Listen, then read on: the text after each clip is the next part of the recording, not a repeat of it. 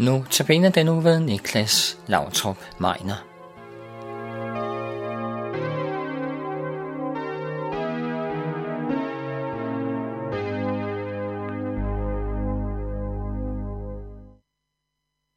Kong David, Israels største konge. Måske har du hørt om ham. Men hvis ikke, så kan jeg fortælle, at han levede for cirka 3000 år siden. Altså 1000 år før Jesus. Under ham oplevede Israel deres storhedstid, og mange af deres naboer, som var fjendtligt indstillet over for Israel, blev besejret og måtte betale skat til Israel. Jo, David var en mægtig konge og en mægtig kriger. David var også en stor sangskriver. Han er forfatteren til mange af de salmer, vi finder i salmernes bog i det gamle testamente. Men også David kæmpede med begæret efter at være den største. Vi læser om ham, at han en aften, mens hans hær er i kamp et andet sted, står på taget af sit palads og kigger ud over Jerusalem, hans hovedstad.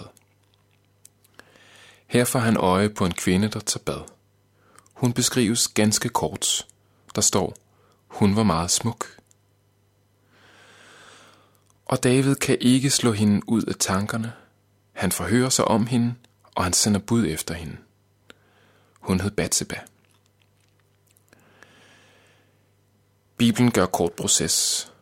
Den fortæller ikke noget om, hvad kvinden synes om alt det her. Der står bare, at David gik i seng med hende, og hun blev gravid. Der står, at hun sender bud til David om, at hun er gravid. Så vi må næsten forstå det sådan, at der er gået en måned eller lidt mere, og hendes menstruation er udeblevet. David sender så bud efter hendes mand, Urias, der er ved fronten. Urias er en af Davids elitesoldater. En af dem, der i Bibelen kaldes de 30. Det var 37 betroede mænd, der nævnes for deres heltegærninger. Altså en slags elitesoldater. Og Urias var et særligt tilfælde. Han kaldes Hittiten Urias. Han var altså Hittit. Det var hans nationalitet. Han var altså ikke israelit, men alligevel var han en af Davids elitesoldater. Det er ganske bemærkelsesværdigt, at en ikke-israelit nævnes blandt Israels elitesoldater. Vi kan også forstå, at han var en betroet mand, når han boede så tæt på paladset, at David kunne se hans kone tage bad.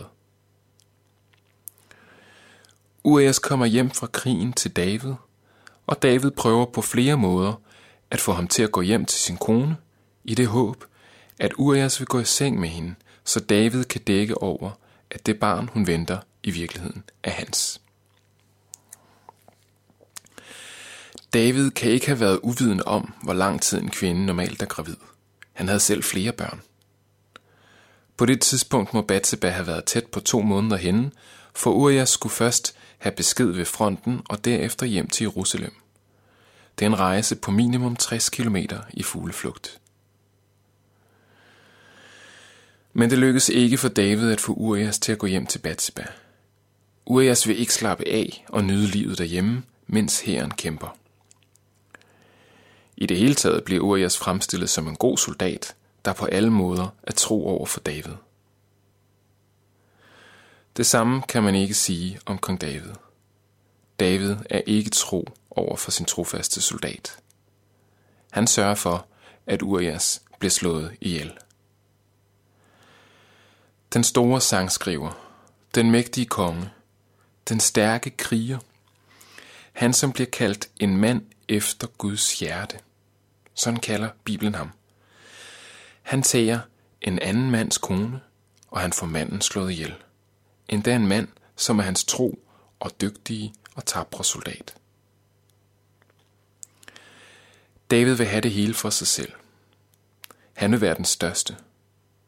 Større end Urias i hvert fald. Men også større end Gud. Gud har sat nogle klare grænser op over for mennesker. Dem kendte David godt. Han kendte til de ti bud, der udtrykker Guds vilje for, hvordan menneskelivet skal være. Han kendte budet om ikke at begære en anden mands kone. Det gjorde han alligevel. Han kendte budet om ikke at slå ihjel. Det gjorde han alligevel. Havde det nu været alle mulige andre konger, der havde skrevet historien, så var det her kapitel nok ikke kommet med. Men det kom det i Davids tilfælde. Og Bibelen fortæller, at det David havde gjort, var ondt i Guds øjne. Måske er der også nogle kapitler i dit liv, du har lyst til at udlade, når du skal fortælle din historie. De er nok ikke så grælde som Davids. Men det er nok alligevel ikke noget, du synes, alle og enhver skal høre. Når Bibelen fortæller om Davids fald, er det både en historie om, hvordan David ville være den største, og have lige præcis det, han pegede på. Uanset hvad det så koster. Men det er også en historie om en mand, der godt ved, at han har gjort i nælderne, og prøver at dække over det. David ville være den største. Større end Urias, større end reglerne. Bibelen fortæller, at således er det også med dig og mig. Reglerne gælder nok for de andre, tænker vi.